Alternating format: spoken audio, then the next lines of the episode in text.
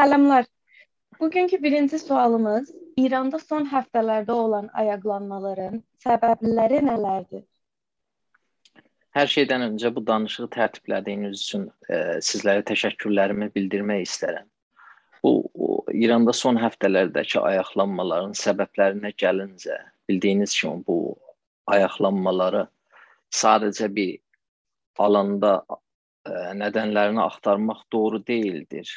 Bildiyiniz kimi bu ayaqlanmalar İranda əxlaq polisinin ə, gözaltına aldığı Məhsa Əminə adlı bir qadının gözaltı sırasında məruz qaldığı sərt davranışın sonucunda həyatının itirməsi ilə ə, başlayır və o olaya təpkilərlə bərabər toplumun bir çox kəsiminin ə, etirazlarına səbəb olur və gedərək bir çox kəsimin arasında yayılır.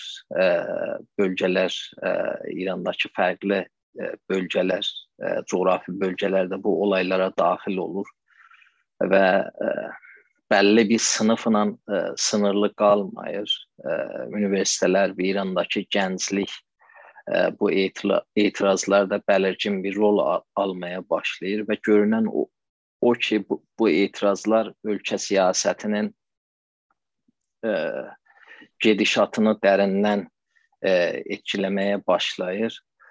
Seçimlərin sərbəst olmaması, yəni bu etirazların nədənlərinə və səbəblərinə gəlincə əsasda toplumun fərqli kəsimlərinin öz görüşləri və kimliklərinə görə, çıxarlarına görə qatılım haqqının olmaması, seçimlərin hakim zümrənin çıxarlarına görə sürətli bir manipulyasiyona məruz qalması, hakimiyyətin iqtisadda şəffaf şəffaf ə, davranmaması, siyasətdə hesab verə bilir olmaması, qadınların sürətli aşağılanmaya məruz qalması, toplumun ə, zamanın şərtlərinə və dəyərlərinə görə deyil, tutucu kökdəncə dəyərlər əsasında şəkilləndirilməyə çalışılması, eğitim qurumlarının bu amac doğrultusunda ə, geniş bir şəkildə kullanılması, ə, ə, bu bir çox nədən,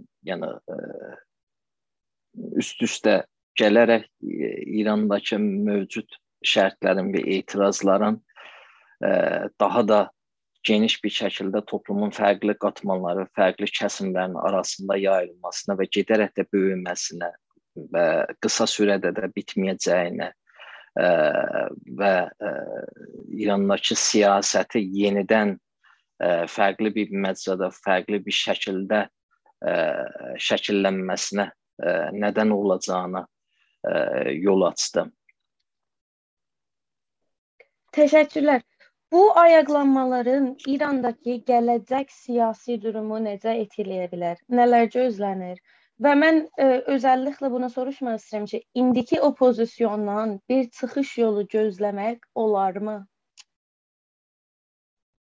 Əslində e, bildiyiniz kimi İrandakı siyasi opozisiyon bütün deyil və onlardan bir çıxış yolu gözləmək deyil. Tam tərsinə burada bizim Azərbaycan məsələsi ətrafında fəaliyyət göstərən hər kəsin aktiv bir şəkildə ə, e, toplum toplumla ilgili, toplumun tələbləri ilə ilgili görüşlərini ortaya qoyması ə, e, daha faydalı ola bilər.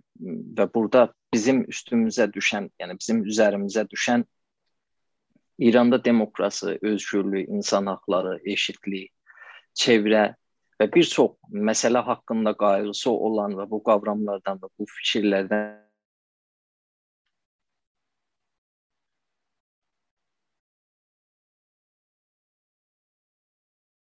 ə,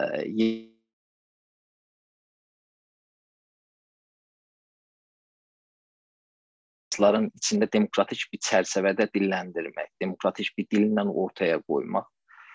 Ə, və bildiyiniz kimi burada bu İrandakı yeni şərtlərdə yaranan bu siyasi etirazlarda, bu toplumsal etirazlarda özgürlükdən, demokrasiyadan və haqlardan yeni bir oxu oxunuşlar ortaya çıxır ə, və hər kəsim, yəni opozisiyon olaraq özünü ə, tanıdan ə, kəsimlər demokrasiyadan, insan haqlarından və özgürlükdən fərqli bir rəvayətlər ortaya qoyurlar. Hər kəs öz rəvayətini ortaya qoymaya çalışır və biz də yəni demokrasiyadan, insan hüquqlarından və özgürlükdən öz ə, oxunuşumuzu ortaya qoymalıyıq. Və bu oxunuşlar ə, sürətli bir-birləri ilə rəqabət halındadılar, basqın olmaq üçün. Ə, və biz ə, burada ə, demokrasiyadan ə, çoxunluqçu, yəni çoxunluğa əsas alan bir rəvayətə qarşı ə, bütün ə, toplumun ə, kəsimlərinin ə, demokratik tələblərini və demokratik haqqlarını öncələyən, diqqətə alan və bunları siyasi bir mücadilədə öncəlik verən və ə, bir baxış açısı ilə hərəkət eləyərək öz ə, demokrasiya və insan hüquqları ə, tələblərimizlə dair ə, oxunuşumuzu ortaya qoymalıyıq və bizim üçün əlzəm olan, daha önəmli olan, daha acil olan ə, bir radikal demokrasi ə, fikrimizi və tələblərimizi ortaya qoymağımızdır. Azərbaycanlıların bu ayaqlanma ilə münasibəti nədir? E, və milli hərəkəti biz nəzərdə alaraq e, nələr etmək olar? Bunu bilirəm, biraz daha danışdınız ki, öz ə, ideolojimiz bu hərəkətə gətirməliyik. Amma eşikdə olan özəllikli aktivistlər biz nələr eləyə bilərik?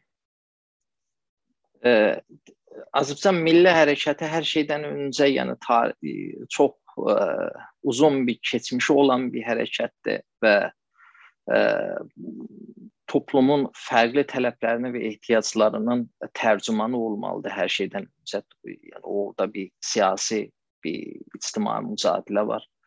Toplumun inkar olunan ə, həqləri var ə, və hər şeydən öncə ə, bizə düşən Azərbaycan milli hərəkətinin üzərinə düşən toplumun fərqli kəsimlərinin ə, ehtiyaclarının və tələblərinin ə, tərcümanı olmaqla birlikdə Azərbaycan toplumunun savunulması, yoxsulluğun yükünün altında əzilən, sürətli aşağılanmaya məruz qalan və ə, sürətli ə, itilən, haşiyəyə sürüklənən bildiyiniz kimi mərkəz arasında, mərkəzlə çevrə arasında ə, bir boşluq var və, və bu boşluq ə, sürətli ə, yəni gedərək böyüməyə ə, böyüyən bir boşluqdur və bizim üçün və bizim üzərimizə düşən çevrə qonumunda olan Azərbaycan xalqının ehtiyaclarını kültür alanında, siyasət alanında,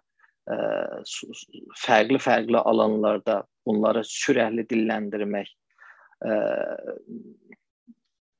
Amma bu dilləndirmə sırasında kullanacağımız dil toplumun fərqli kəsimlərini qucaqlayan bir dil olmalıdır və demokrasiyadan bayaq da dediyim kimi ə, e, güncəl günümüzün şərtlərinə, günümüzün dəyərlərinə ə, e, uyan bir modeli ortaya qoymaqdır.